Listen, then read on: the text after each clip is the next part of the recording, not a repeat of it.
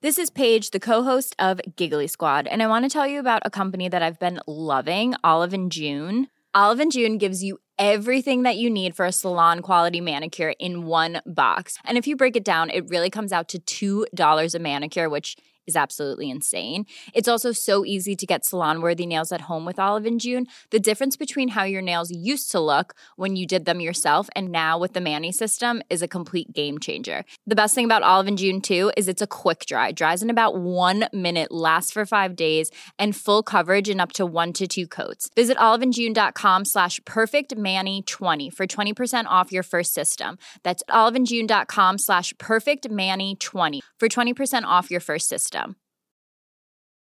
Quality sleep is essential. That's why the Sleep Number Smart Bed is designed for your ever evolving sleep needs. Need a bed that's firmer or softer on either side? Helps you sleep at a comfortable temperature? Sleep Number Smart Beds let you individualize your comfort so you sleep better together. JD Power ranks Sleep Number number 1 in customer satisfaction with mattresses purchased in-store. And now, save 50% on the Sleep Number limited edition Smart Bed for a limited time. For JD Power 2023 award information, visit jdpower.com/awards. Only at a Sleep Number store or sleepnumber.com.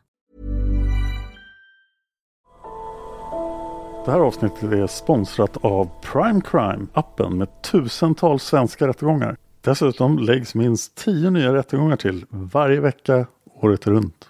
En rättegång som berörde mig det är taximordet i Enköping. En 26-årig taxichaufför som luras ut till ett naturreservat och eh, blev hängd i ett träd. Och det är fem ungdomar som döms. En 16-årig flicka och fyra unga bröder. En rättegång jag tyckte var väldigt fascinerande var föräldrar tvingade sin dotter att dricka ättika. Så otroligt galet. Prime Crime erbjuder även en tre dagars gratis provperiod. Och skulle du välja att bli prenumerant så erbjuder de antingen månadsbetalning för 99 kronor i månaden eller ett reducerat pris på två månader vid årsbetalning. Du kan avsluta när du vill. Tack Prime Crime. Tack så mycket Prime Crime.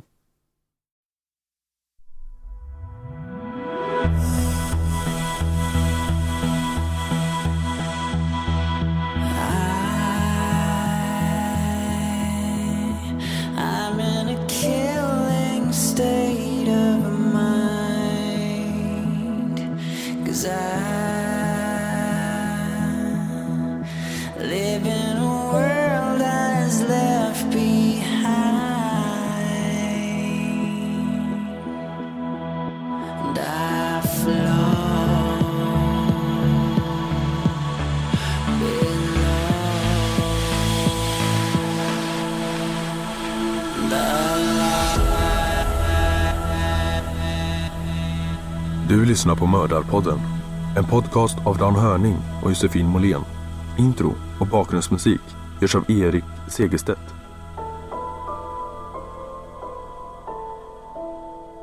Välkommen till Mördarpodden och del två av Vadå Dan? Massmördarbjörnen. Ja, och du är taggad på detta. Ja, jag är taggad. Du är också taggad att eh, prata med er som sponsrar Mördarpodden på Patreon. Om Massmördarbjörnen den 22 oktober i centrala Stockholm. Och om du blir medlem på Patreon nu, eller är medlem på Patreon och sponsrar Mördarpodden där, då kan du även höra del 3 redan idag av Massmördarbjörnen. Och jag kommer sluta på en otrolig cliffhanger. Jag räknar med att alla kommer bli sponsorer på Patreon för att höra nästa del. Ja! Och alla som är det är alltså välkomna på våran eh, massmördarbjörnöl, nej mördarpoddenöl, den 22 oktober i centrala Stockholm. Jajamän. Så bli Patreon så kommer vi att skicka hem ett eh, krypterat brev till er där det står tid och plats och datum. Även känt som ett privat meddelande på Patreon. Ja, ja. Eh, och det kan ta några dagar innan vi svarar på Patreon, för vi brukar oftast kolla den på just söndagen när det kommer ett avsnitt. Och det är då Eva som gör det. Tack till Eva. Tack till Eva. Jag vill också tacka David Oskarsson som har skrivit det här manuset. Jag hoppas verkligen inte han lyssnar för då hör han hur mycket jag har slaktat hans manus. Och tack till mig som har en studio. Ja, du tackar tack ju Paul varje gång. Så du måste inte, Ja. nej, du måste inte tacka mig varje gång. Jag har stor nytta av den här studion. Men du vet, när jag åkte hit så såg jag att det stod Dans studio på kartan. Och jag bara, men vad har han lagt in det här? Sen så läste jag en gång till och då stod det ju dansstudio. så Ja, att, just det, det, det är Ja. inte min dansstudio. Ja, vad kommer du ihåg av förra avsnittet då? oj, oj, oj, det var massa komplicerade japanska ord. Eh, Kasagake! Kasagaki. Men alltså att det var ju i en liten by, i en ö som inte är den största japanska ön, utan Ja. den näst största, tolkar jag som. Hokkaido, längst i norr av Ja. huvudöarna. Där hade några få människor bestämt sig för att här kanske vi vill ha en by. Och så har de flyttat dit. Deras stugor är inte sådär jättebra. Ganska tunna väggar och så. Och då har de haft besök av en björn som är ingen grizzlybjörn, men eh, en väldigt stor brunbjörn. Och den här brunbjörnen har börjat få smak på människokött. Och då finns det bara en sak att göra och det är att ha ihjäl den här björnen. För att har en björn fått smak på människokött så kommer den att fortsätta för vi är väldigt löjliga och fjantiga och vi blir lätta byten. Och det var ju det som de hade hoppats på nu då. Precis. Och nu vet ju inte de att det här är gamle Axel är Kasagake. Just det. Men det kan jag berätta för er lyssnare att det är. Och nu gillar Kasagaki människor. Men det är också möjligt att Kasagaki gillade människor sedan tidigare. Det ska vi återkomma till också. Vi är framme vid kvällen den 10 december 1915. Det är ett möte i byn hemma hos bonden Åta. Vars eh, fru då dog. Och Ja, vars fru blev eh, uppäten. även barnet som frun passade som vi inte är Ja. helt säkra på om det var deras barn eller om det var någon som... Nej, jag tror att det var någon annans barn som hon passade. Så det var ju eh, inte så bra barnvaktat. Kan man Nej. säga. De har jättemycket vapen i byn. Så att det, alla är beväpnade till tänderna. Alla vill skjuta på björnar. Det här mötet pågår, börjar tidigt på kvällen och det pågår massor av timmar. Alla har olika åsikter och vinterjägarna är ju där och berättar det bästa sättet att eh, fånga en björn är när den är björnunge så man kan ha den vid bordet i två år. Och, och byborna förstår inte vad de pratar om, men är, alla har olika åsikter om, om vad de ska göra. Och klockan börjar närma sig 20 på kvällen. Inte 20 på morgonen. det är en pet peeve när det står i manus. Då ropar någon, men där är ju björnen. Så upptäcker man att björnen har suttit med på mötet. Förlåt. Nej, björnen är utanför mötet. Ja. Och folk tittar ut och ser någonting som påminner om en björn där i mörkret. Och alla börjar skjuta. Alla börjar skjuta jättemycket. Massor av upprörda bönder, alla skjuter, ingen vet riktigt vad de skjuter på. Det är kulhål överallt. Och här är väldigt oklart vad som händer. Men eh, de har inte lyckats skjuta ihjäl björnen. Och de är nu så rädda att de kallar på hjälp och lyckas få dit 50 stycken soldater. Men var får de allt ifrån? De är ju ute i ingenmansland. Ja, de är mitt ute i ingenstans, men de här 50 soldaterna måste ha någonting med första världskriget att göra. Ja, okej. ja. Så att de höll på att planera en invasion av Kina eller något sånt här. Det kanske var så här luftvärnssoldater när det är 1915, så det behövs inte Ja. luft. Men det är, det är någon form av soldater som är där. Så de kommer också dit. Så nu är hela byns män, massor med vapen, 50 extra soldater. Och allt det här, operation skjuta ihjäl björnen en gång för alla, startar på en gård som ligger 300 meter ifrån Otas gård. Det här är familjen Miyukes gård. Och där samlas alla. Nu är det jättemycket folk, jättemycket vapen. Och de bestämmer sig för att ta dit alla barn, kvinnor och gamla också. Så att inte björnen ska springa omkring och äta upp folk. Där de beväpnade männen inte finns. Så att den här familjen Miyukes gård är nu en fästning. Det ligger fullt av beväpnade män runt gården. Och alla kvinnor och barn, tror de, är inne i huset. Och alla tittar ut och är beredda att skjuta björnen. Men nu är det mörkt för det är november. Det är fortfarande snö. Och varje skugga ser väldigt mycket ut som en massmördad björn. Mm. Jag är säker på att det är några bönder som skjuter lite då och då. Så blir det jättemycket. Vad skjuter du på? Ah, vad är det som händer? Känns ju som att de borde liksom ha... Nu för sig soldater där, de är väl lite mer eh, Ja, jag, tror, jag tror det är någon gevärgudar. form av hemvärn. Alltså det är inga elitsoldater. Nej. De är redan ute i kriget. Jag menar att det finns en risk här att det är någon annan som får skott på sig än björnen. Ja, det är fel tillfälle att gå ut och kissa i skogen. Ja. Kan jag säga. Speciellt i sin gamla björnsärk. som man fick på den förra ritualen. Det ska man inte göra just nu. Familjen Miyoke är då pappa Yasutaro och mamma Yayo. Och i det här befästa huset nu så organiseras en spårningsexpedition. För de tror att de har sett björnen och vet var spår finns. De tror att de är färska. De skickar iväg ett stort antal människor för att spåra björnen trots att det är mörkt och mitt i natten. Men ett antal av dem går också hem till sig. Men en expedition ger sig av för att leta efter björnen. Men det är lite konstiga personer kvar i huset. Det kommer dyka upp folk här nu i historien som verkar vara kvar i huset. Men nu vet vi varför de är kvar i huset. Det var ju för att alla var i det där huset förut. Och Jaju försöker sköta sitt hushåll. Det är ju hennes hus. Hon har fyra barn. Hon har eh, fyra söner.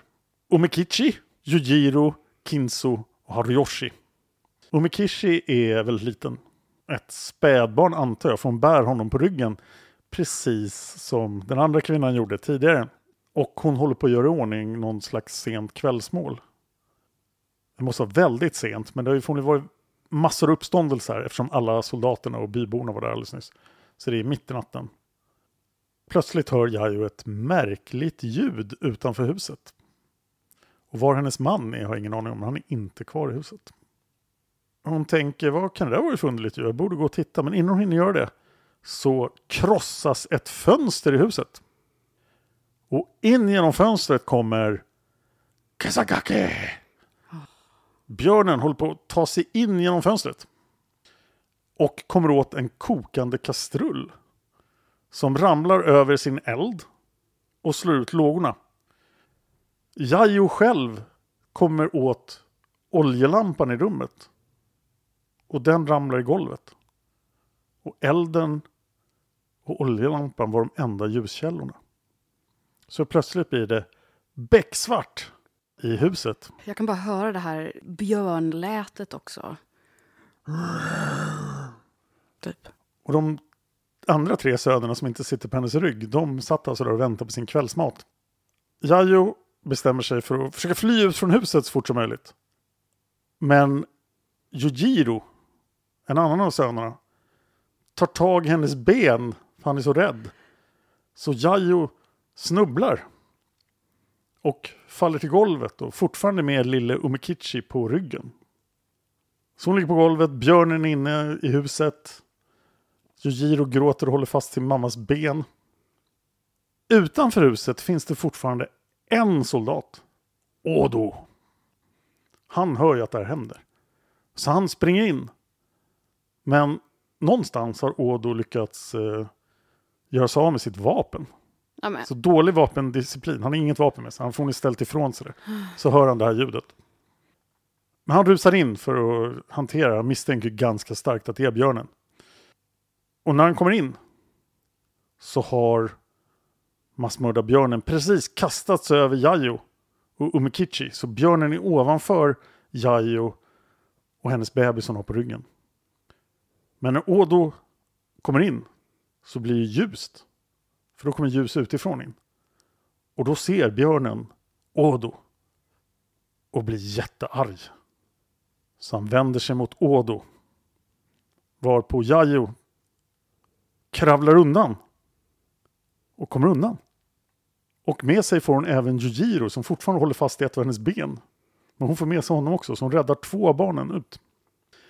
De två äldre sönerna, Kinzo och Hariyoshi, är fortfarande kvar i huset. Men nu står alltså soldaten Odo ansikte mot ansikte med massmördarbjörnen. Utan gevär. Och här kommer en lite konstig detalj från källorna. Han försöker därför gömma sig bakom en möbel. Men vi vet inte vilken möbel. Så det blir olika roligt baserat på man får gömma sig bakom en stol eller, eller bakom ett gigantiskt skåp eller bakom en säng, bakom en steg. Vad gissar du att det är för möbel han gömmer sig bakom? Um, ja, men jag vet inte, jag, jag, jag tänkte mig en sån här stor eh, blomma, typ, en form av kaktus. Känns inte riktigt... Uh... En japansk kaktus försöker jag göra sig. Björnen är inte rädd för den japanska kaktusen utan går runt den och slår Odo i ryggen med sina klor. Och sen lämnar den Odo blödande på golvet och ger sig på Kinzo Haruyoshi, de äldre sönerna, vi vet ju inte hur gamla de är, men jag föreställer mig att de är typ 8 och 10 kanske. Ja. Och sliter dem i stycken. Nej. Så båda pojkarna döda. Sen tänker björnen gå tillbaka och slå på dem, men då lägger den märke till Ivao, en annan pojke som fortfarande är kvar i huset. Från grannfamiljen Saito. För att det var ju den där stora samlingen i huset, så han har blivit kvar där. Han kommer in där, hej hej vad händer här, oj. Och björnen kastar sig över honom och biter honom. Då uppenbarar sig även Ivaos mamma, Take, som också var kvar i huset. Hon är gravid. Nej. Hon försöker rädda Ivao från björnen. Men det tycker Kesagaki inte om. Så han kastar sig över henne. Och biter henne i magen. Nej, nej, nej, nej, nej, nej. Åh, Och tycker om det. nej. Så Kesagaki stannar upp. Och börjar äta Åh, mm. i Takes mage. Av barnet. Det ofödda barnet. Da, da, da. Koncentrera mig på något annat. Fin vägg. Mm. Odo och folk utanför huset hör hur eh, Take säger till björnen medan björnen äter hennes mage. Snälla, kan du inte äta mitt huvud istället för min mage? Och det blir hennes sista ord. Här dog alltså tre personer, eller fyra om man räknar med det ofödda barnet. Så de två pojkarna i familjen och Take. Ivao och Odo, Takes son och eh, vakten. De är båda skadade men överlevde. Yayo, Umekichi och Yujiro kom undan och fick inga allvarliga skador. Ja, tack och lov för det. Men Kasagaka har nu mördat sex personer. Och det här är då, om man räknar med det ofödda barnet, vilket vi tenderar att göra, så är det här i sig självt ett massmord. Den här attacken. If you thought the only way to get a more defined jawline with natural looking results was through surgery, think again. Juvederm Volux XC is a non surgical injectable gel filler that improves moderate to severe loss of jawline definition and can help you achieve natural looking results with little downtime. Even better, this improved definition lasts up to one year with optimal treatment. No maintenance required. Improve jawline definition for a smooth, sculpted look with Juvederm Volux XC. For important safety information and to find a licensed specialist, visit juvederm.com. That's J U V E D E R M.com. Not for people with severe allergic reactions, allergies to lidocaine, or the proteins used in Juvederm. Common side effects include injection site redness, swelling, pain, tenderness, firmness, lumps, bumps, bruising, discoloration, or itching. There's a risk of unintentional injection into a blood vessel, which can cause vision abnormalities, blindness, stroke, temporary scabs, or scarring. Talk to a licensed specialist to find out if it's right for you. One size fits all seemed like a good idea for clothes Nice dress. Uh, it's a it's a t-shirt. until you tried it on. Same goes for your healthcare. That's why United Healthcare offers a variety of flexible, budget friendly coverage for medical, vision, dental, and more. So, whether you're between jobs, coming off a parent's plan, or even missed open enrollment, you can find the plan that fits you best. Find out more about United Healthcare coverage at uh1.com. That's uh1.com. Quality sleep is essential. That's why the Sleep Number Smart Bed is designed for your ever evolving sleep needs. Need a bed that's firmer or softer on either side? Helps you sleep at a comfortable temperature? Sleep Number Smart Beds let you individualize your comfort so you sleep better together. JD Power ranks Sleep Number number 1 in customer satisfaction with mattresses purchased in-store. And now, save 50% on the Sleep Number limited edition Smart Bed for a limited time. For JD Power 2023 award information, visit jdpower.com/awards. Only at a Sleep Number store or sleepnumber.com. Kommer du ihåg de som gav sig av för att spåra björnen? Mm. De har fattat att det inte var färska spår, så de är nu på väg tillbaka. Men de hade alltså utgått från familjen Miyokes hus när de gav sig iväg och det var precis dit Kasagake kom. Så björnen anföll precis det huset som expeditionen organiseras från. Kanske just för att det var mycket folk där. När de kommer tillbaka, expeditionen, så stöter de på Yayo och hennes söner. Och Mikichi på ryggen och Yujiro bredvid henne. Och Jajo berättar hysteriskt vad som har hänt. Björnen anföll huset. Varpå hela patrullen då ger sig på huset med höjda vapen. Går de framåt huset. Det är oklart hur mycket människor det här är i. Men det är alltså ett, flera beväpnade män som nu närmar sig huset. Och de ser att huset är alldeles mörkt. Men de hör björnen inne i huset.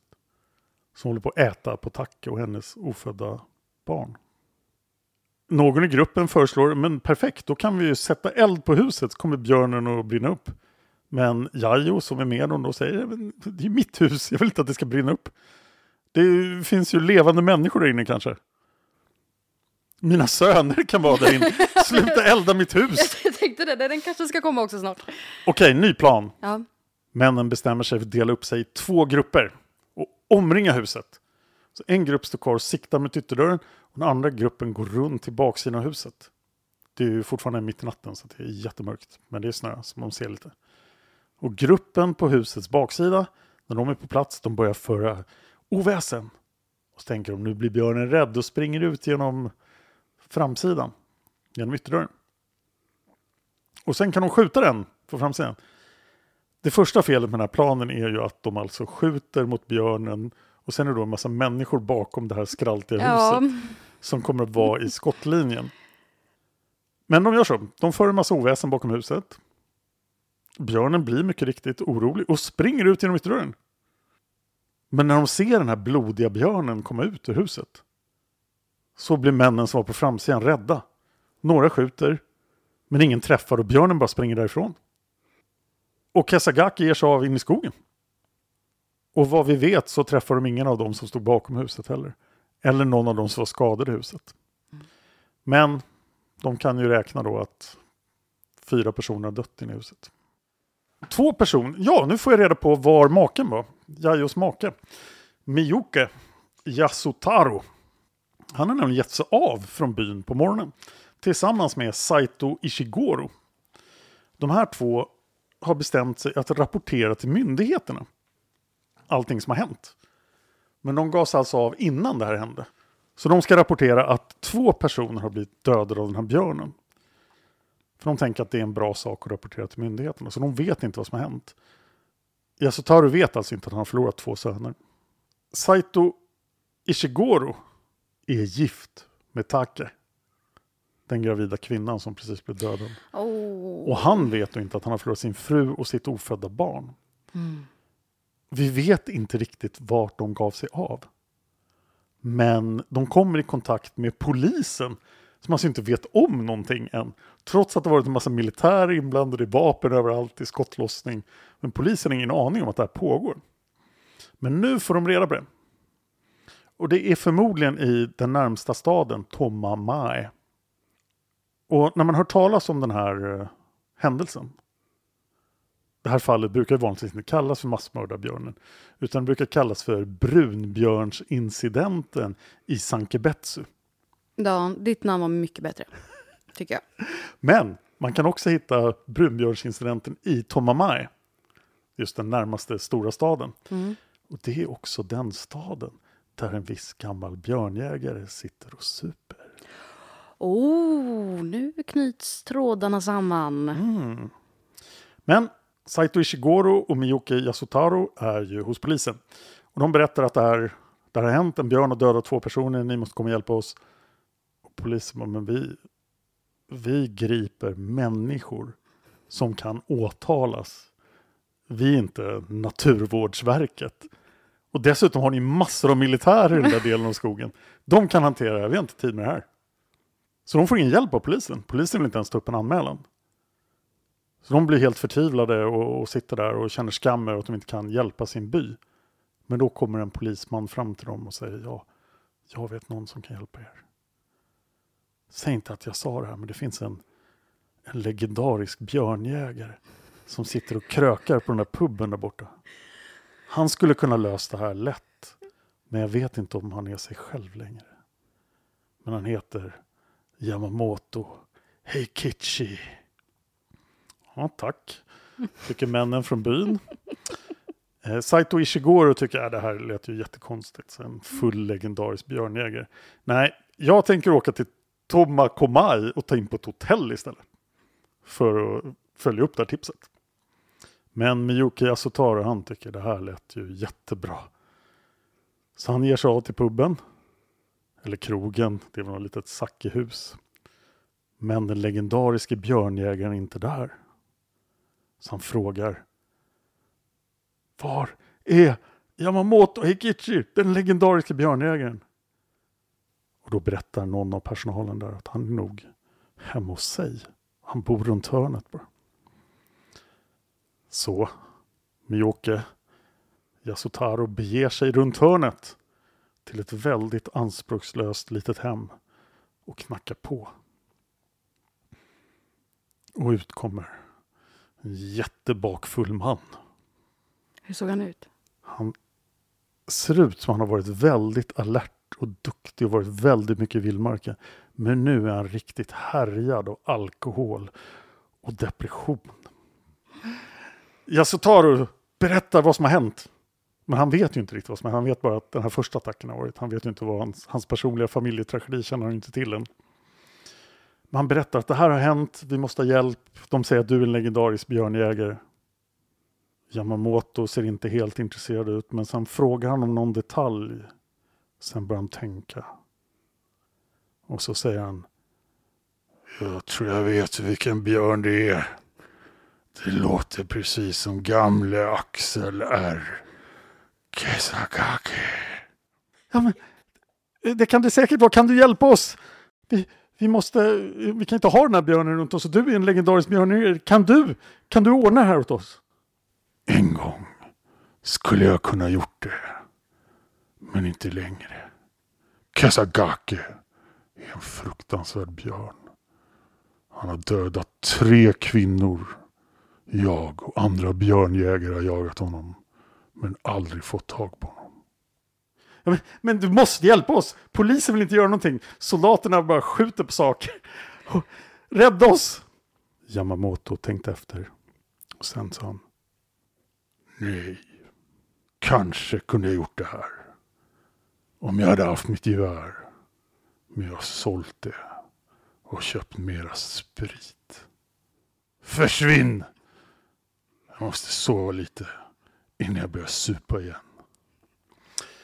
Och med det fick Miyoke Yasutaro nöja sig.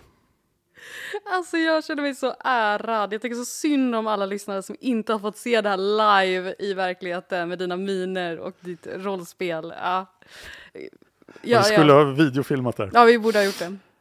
På något sätt får Yasutaro reda på att Yamamoto har inte sålt sitt gevär.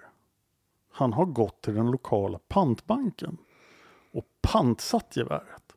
Och på pantbanken finns då Yamamotos gamla, gamla björnjägargevär. Och det är ingen som har köpt av pantbanken. Så det går fortfarande att lösa ut det från pantbanken. Men Yasutaro har inga pengar, så han kan inte göra det. Så nästa dag får Miyuki Yasutari och Saito Ishiguro som har sovit jätteskönt på sitt hotell och inte behövt prata med några gamla alkoholiserade björnjägare. De beger sig tillbaka till Sankebetsu Rukosensawa. Och då får de reda på de tragiska nyheterna. Att deras familjer har råkat jätteilla ut när de var borta. Mm. Två av Yasutaros söner är döda. Och Ishigorus fru och deras ofödda barn dödade Akasagake. Kasagake. Och nu vet de ju vad björnen heter, om Yamamoto hade rätt. Det blir förstås ett nytt möte. Oklart om soldaterna är med eller om de springer iväg och gör soldatgrejer i början. Men mötet resulterar i en ny grupp. Den här gruppen ska ligga i bakhåll för björnen i familjen Miyokes hem. För att eh, björnen har kommit tillbaka. Den la undan den första kroppen så den kommer komma tillbaka till sina byten. Mm. Och då kan man skjuta den. Så egentligen samma plan som förut. Massa bybor med vapen ska skjuta på allt som rör sig. Och de sitter där hela kvällen men björnen kommer inte tillbaka. En påpasslig bybo har också skickat in ett klagomål till kommunen på den här situationen. Så medan polisen inte brydde sig så har det nått kommunfullmäktige. Och det gör den den 12 december. Och kommunfullmäktige reagerar. Vad är det här? En björn har dödat sex personer. Det går inte an. Jag måste göra någonting åt. Så kommunfullmäktige vänder sig till polisen. Och då har polisen inte lika lätt att avfärda dem. Så polischefen tycker jag, åh gud, måste jag ta hand om björn? Åh. Men jag kan alltid göra ett utrop efter frivilliga så slipper jag använda polismän. Så polischefen organiserar något slags upprop efter modiga skyttar och frivilliga. Och dessutom inser de att om de ska skjuta en björn så måste de få tillstånd från den kejserliga skogsförvaltningen. Så de ansöker om det här tillståndet, börjar samla ihop frivilliga och det här kommer ju ta ett litet tag.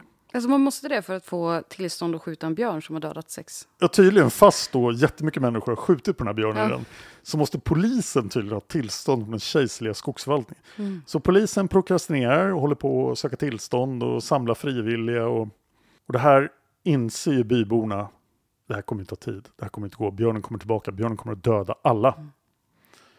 Så Yasutaro tar upp med byborna att om vi bara samlar ihop alla våra pengar så går jag tillbaka till pantbanken och hämtar ut björnjägargeväret och sen går jag en gång till och ber den gamle legendariske björnjägaren Yamamoto att komma med och hjälpa oss här. Så det händer. Folk samlar ihop alla sina pengar. Alla gamla värdesaker, gamla smycken, allt de kan få tag på. Och överskottet om det blir något kommer de erbjuda Yamamoto som belöning. För de tänker det här kommer polisen aldrig att klara av. Yasutaro går tillbaka. Och vi vet inte riktigt hur den här konversationen gick. Men det kommer inte hindra mig från att försöka göra det nu. Så han får tag i, han går och köper ut geväret. Kommer då med björnjägargeväret. Går hem till Yamamoto, men Yamamoto är inte hemma utan han sitter ju på baren igen och krökar. Så Yamamoto sitter där lite halvfull och plötsligt kommer Yasutaro in med Yamamotos björnjägargevär och knäböjer framför honom. Yamamoto-sama! Jag har löst ut ditt gevär och jag har med mig alla pengar från byn. Du är vårt enda hopp. Du måste rädda oss från Kasagake. Yamamoto tittar upp, rapar. "Eh, Säg inte åt dig att försvinna. Nej, men du är vårt enda hopp. Här, vi har fått ihop jättemycket pengar. Det här är ditt gevär. Det är ett fint gevär, det kan användas en gång till. Äh, Jag säger åt dig att försvinna. Mm, var är min sake? Men det är bara du, det är bara du som kan besegra Kesagake. Eller tänker du låta honom komma undan? Rädd för honom? Då tänds någonting i Yamamotos blick. Jag kanske kan ge mig ut på en sista jakt igen. Han tar vapnet. Konstaterar att det inte finns några kulor. Tvingar Yasugaru att springa iväg och köpa kulor igen. Och sen är han redo och följer med tillbaka till byn. Och det här har tagit sån tid. Jag antar att Yamamoto behövde nyktra till. Så han anländer i byn samtidigt som polischefen Suga. Polischefen heter Suga. Ja, han har nu anlänt med alla frivilliga. Och någon polis antar jag, men han är i byn för att se till att det blir riktigt gjort. Han har nämligen fått ett tillstånd från kejserliga skogsförvaltningen. Och dessutom är kommunfullmäktige på honom. Att det här måste lösas. Nu får inte dö några fler i byn. Och då bestämmer sig allihop, byborna, soldaterna, Suga och hans gäng. Och Yamamoto har ett möte. Det är mycket som löst med möten här i Japan 1915. Alla var överens om att björnen är ute efter mat. Och den kommer förmodligen komma tillbaka till sina offer. Och försöka släpa ut dem i skogen, gräva ner dem och sen ha ett mumsigt litet köttförråd. Då kommer polischef suga på hur det här ska gå fort. Han bara, men då tar vi ju din döda fru och så har, har vi ut henne utanför huset som ett lockbete. Så lägger vi henne där och så kommer björnen och så bara skjuter vi på den. Och det tyckte ju då familjerna inte var så bra. För Suga ville använda offren som lockbete. Men familjerna protesterade. Är det bara jag som tycker att den här idén faktiskt kanske är bra? Nej, polischef Suga Ja, ja. tycker också. Jag tyckte någon mer än jag suga. Och alla som är under honom. Men han har jättemycket makt här. Här är Ja. den enda myndighetspersonen. Så han bara, jag skiter i vad ni säger. Nu blir det så här. Är det, det var då? Nej, det blev så? Ja, nu blir det så här. Ja. Men i ett hörn sitter Yamamoto och tittar på honom och smeker sitt björnjägargevär. Om björnen kommer så är han redo. Så någon av offren tar dem som lockbete. Vi får inte reda på vem. Det har inte dokumenterats. Men de tar då kanske den här gravida kvinnan som är Usch. halväten och Nej, det hänger ut bebisdelar Nej i magen Dan, på. usch! Och det tycker polischefen är en jättebra idé. Så de lägger henne utanför huset. Medan då Suga och hans skyttegrupp väntar in i huset. Jag kom på en jättemycket bättre idé. Varför, varför inte ta ett djur och lägga där då? Ja, men de tänkte att björnen skulle vilja ha sina egna offer. Jaha. Att den nu tyckte att människor smakar jättegott. Mm. De väntar där. Det blir kväll. Och sen kommer Kesagaki ut ur skogen. Och närmar sig kroppen. Och polischef Suga viskar till alla skyttarna inne i huset. Vänta, vänta tills den har kommit fram till kroppen och börjat äta. Och sen skjuter vi jättemycket åt alla håll. Bara skjut allt vad ni kan. Men då stannar Kesagaki upp och luktar i luften och vänder sig om och går tillbaka till skogen. Kasagaki anade oråd. Men alla hade hört polischefens order så ingen sköt heller. Men de hade aldrig någon bra skytteläge. Nästa morgon upptäcker de att Kesagaki gick tillbaka till sitt första hus han anföll, familjen Otas hus. Och det var ju tomt.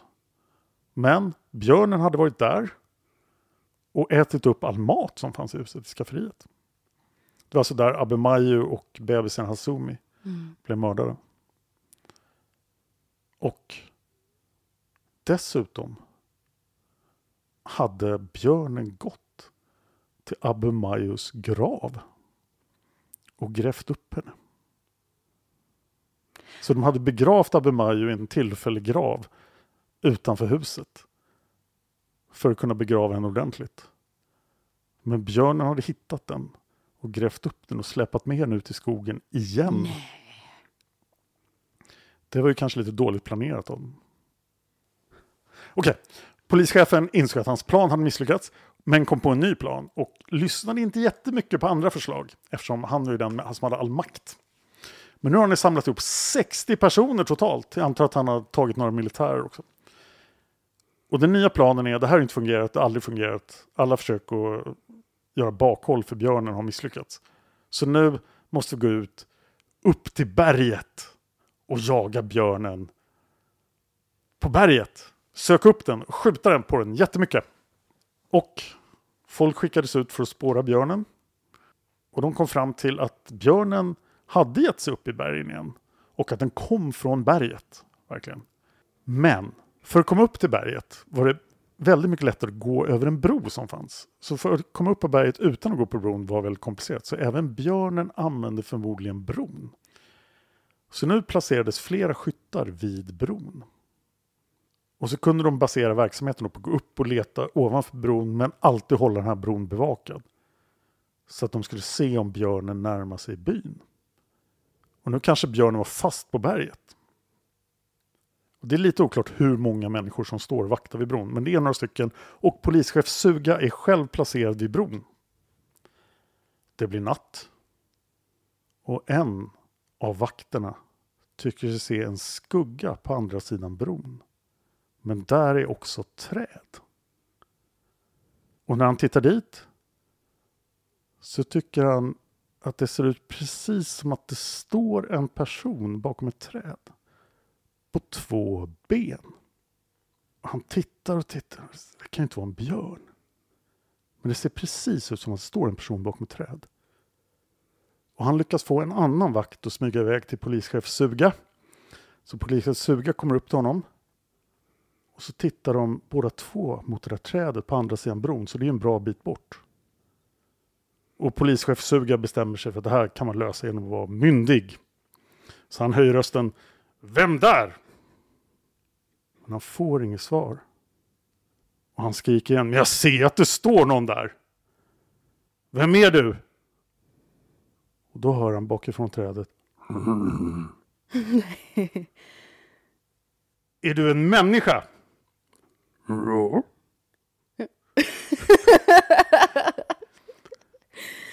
Vakten och Suga tittar på varandra. Var det ett svar eller var det inte ett svar? Men så ser de inte någon bakom trädet längre. Och sen tänkte Suga, det är nog ändå bra om vi bara skjuter jättemycket ditåt. Vem skulle stå bakom det trädet och, och säga saker som var en av oss? Så han skriker och öppna eld till den stackars vakten bredvid honom och kanske någon annan vakt i närheten. Och de börjar skjuta mot trädet. Och de tycker sig se en skugga som försvinner in i skogen. Men det är väldigt mörkt. Och ingen vågar gå över bron. Förrän på morgonen. Då går ett antal vakter över bron. Ett antal skyttar från gruppen och polischef Suga leder dem modigt över bron. Så går de fram till trädet. När det börjar skymma då? Eller? På Nej, på morgonen Ja. när det har blivit ljust igen. Mm. Så att de vågar gå över bron. Och då upptäcker de eh, två ramavtryck under trädet. Nej. Så det är björnen som stod bakom trädet. Men det här att de hörde honom Mm. måste de ha inbillat sig. Ja, ja, annars är det ju riktigt Kommer de fram till. obehagligt. De hittade även blodspår. Mm. Så kanske träffade de Kesagake där. Men de hörde inga, inget ljud som tydde på det. Han har blivit träffad så många gånger nu. Han måste vara väldigt fluffig päls alltså. Ja, han är jätteskjuten. Men sen kommer en väderleksrapport till dem från militärerna som säger att nu kommer det bli jättemycket oväder och snöstorm och saker väldigt snart. De såg att björnspåren ledde upp mot berget. Nu kommer Kasagaka komma undan igen precis som han gjorde första gången. Upp på berget, snön döljer honom och de kommer inte kunna ta honom. Fråga, Ja. är bron den enda vägen till det här berget? Då? Ja, det verkar som att bron är den absolut lättaste. Det går förmodligen att gå runt, men det är jättekomplicerat. Så inte ens Kasagaki väljer att gå runt bron. Vi kan hugga ner bron. Ja, men de behöver ju bron för att transportera saker. Och Jaha. så här, säkert folk som bor på andra sidan bron. Som kommer, kommer att, det är nog ingen som bor där i och för sig. men Det är säkert någon så här skogsbrukare och så där, som kommer bli jättearg om de har bro. Men Suga håller ett litet möte där med folk. Alla inblandade samlar ihop alla sina 60 man som man har nu.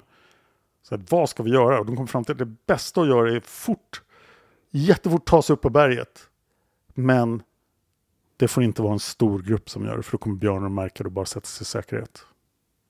Och då kliver en man fram ur gruppen fortfarande smekandes sitt gamla björnjägargevär och säger jag anmäler mig frivillig. Det här kan bara jag klara. Det är förstås Yamamoto! Ja!